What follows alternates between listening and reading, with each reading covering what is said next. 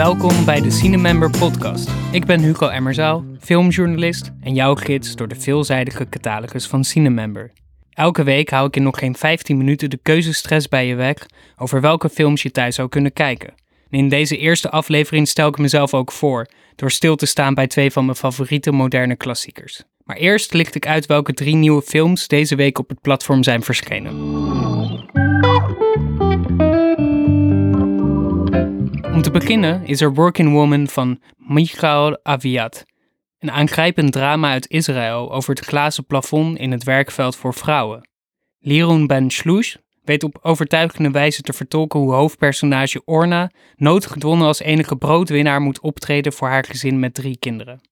Ze maakt carrière, maar komt zo ook in de directe invloedssfeer van haar opdringerige baas terecht. Tijdens een zaakreis naar Parijs wordt vervolgens pas duidelijk hoe precair haar positie echt is.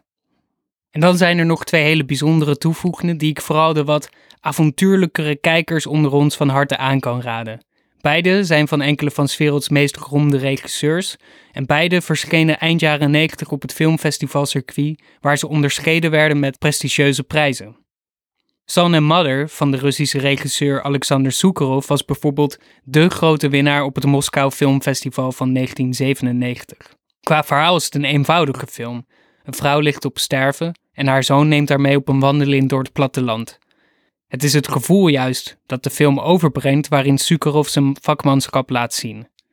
Geïnspireerd door orthodoxe icoonschilderijen verbeeldt hij de laatste dagen van deze vrouw als een extreem zintuigelijke en een haast spirituele ervaring. Misschien kent u de naam Sukarov nog wel van de klassieke Russian Ark, waarin hij de gehele moderne geschiedenis van Rusland in één shot tot leven laat komen in het Hermitage te Sint-Petersburg. Hier richt hij zich, in verstilde tableau, op de christelijke roots van Rusland.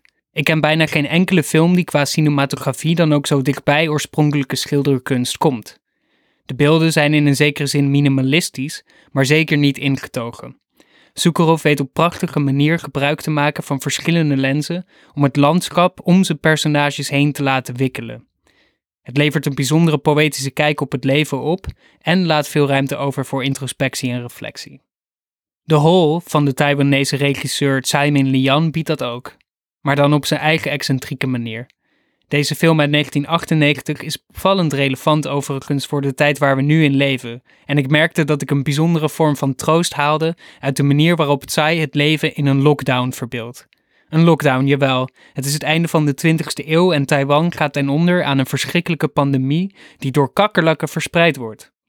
In plaats van de ravage te laten zien, kiest Sayer in zijn typische vreemde stijl voor om het leven van een aantal van de buitenwereld geïsoleerde personages juist te tonen. We volgen een man en een vrouw, boven- en onderburen van elkaar, die geteisterd worden door ennui en verveling.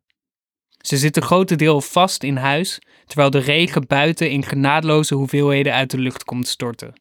Hun huizen kraken en zuchten en steunen en vallen uiteindelijk ook een beetje uit elkaar. Vrij letterlijk zelfs, want de gat in de vloer bij de man wordt een soort portaal waarmee deze mensen met elkaar in contact kunnen komen. Het klinkt allemaal best somber en hopeloos en misschien een beetje vreemd, maar Tsai maakt er voor zijn doen juist een feestje van, door te benadrukken wat dit gat deze mensen vervolgens oplevert. Zij begint naar haar bovenbuurman te verlangen en ontwikkelt gevoelens die ze al een hele lange tijd niet meer gevoeld had. En in feestelijke musical scènes probeert de film die vlinders in de buik te verfilmen. Daarmee maakt zij stiekem een ode aan de verbeeldingskracht van mensen in zelfs de meest uitzonderlijke en uitzichtloze situaties. De muren komen misschien op deze personages af, maar met hun hoofd kunnen ze nog steeds in de wolken zitten. Working Woman, Mother and Son en The Hole zijn vanaf nu op Cinemember te zien. In elke aflevering licht ik echter ook een paar films op die al wat langer op het platform staan en die je eigenlijk ook niet mag missen. En om een beetje een beeld te krijgen van mijn eigen filmsmaak, sta ik deze week stil bij twee van mijn favoriete moderne klassiekers die je niet wilt missen.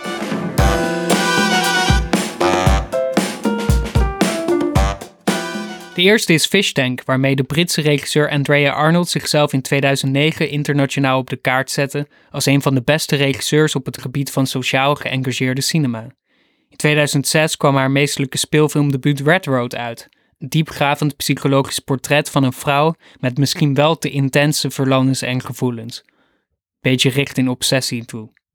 In Fish Tank volgt ze de 15-jarige Mia, Een uitzonderlijke rol voor de debuterende actrice Katie Jarvis. Want Mia is ook een vat vol tegenstrijdigheden, driften, gevoelens en verlangens. En die worden op scherp gesteld wanneer haar moeder met een nieuw vriendje thuiskomt en zo de hele al best wel gevoelige familiedynamiek ineens omgooit. Dat vriendje wordt overigens gespeeld door niemand minder dan inmiddels steracteur Michael Fassbender. Maar het mooie van Fish Tank is dat hij eigenlijk best wel in de marges van het verhaal zit. Zoals de titel doet vermoeden, gaat de film eigenlijk over het gevoel van opgesloten zijn. In een gezin, of in een gevoel, of in een sociale situatie, of in een maatschappelijke klasse. Precies dat is wat Mia allemaal ervaart, maar niet zomaar in woorden kan uitdrukken. Het is het gevoelige ook van Andrea Arnold, die een hele lichamelijke beeldvoering en montage toepast, die er juist voor zorgt dat Fishtank al deze dingen communiceert zonder er te veel woorden aan te besteden. En dat is een bijzondere filmische prestatie, die de rijke traditie van Britse kitchen sink dramas de 21ste eeuw inslingert.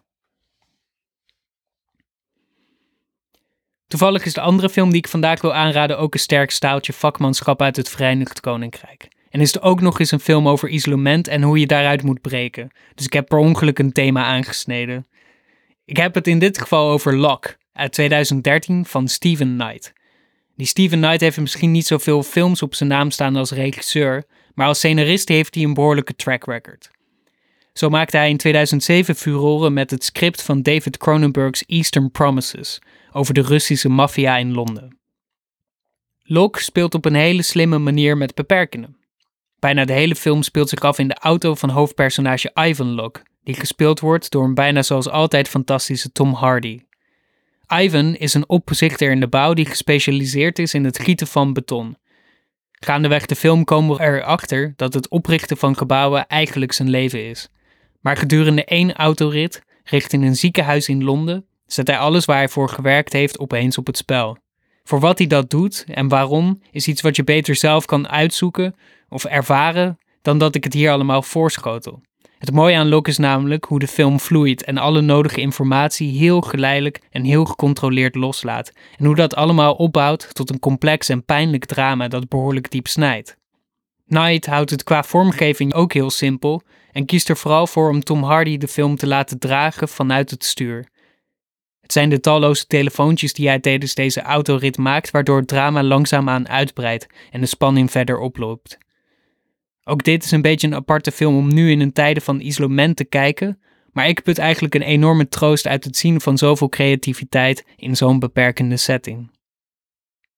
Hopelijk inspireert dat jou ook. Ik geef het gelijk ook een impuls om Log, Fish Tank, The Hole, Mother and Son of Working Woman op te zetten. Volgende week ben ik weer terug om te praten over de nieuwste titels en wat oudere van mijn favorieten op het platform van Cinemember. Wil je in de tussentijd meer filmtips? Ga dan naar cinemember.nl of cinemember.be. Op de homepage staan daar actuele tips en op de ontdekken pagina kun je eenvoudig je eigen filmselecties maken. Voor nu alvast bedankt voor het luisteren. Voor straks ontzettend veel kijkplezier.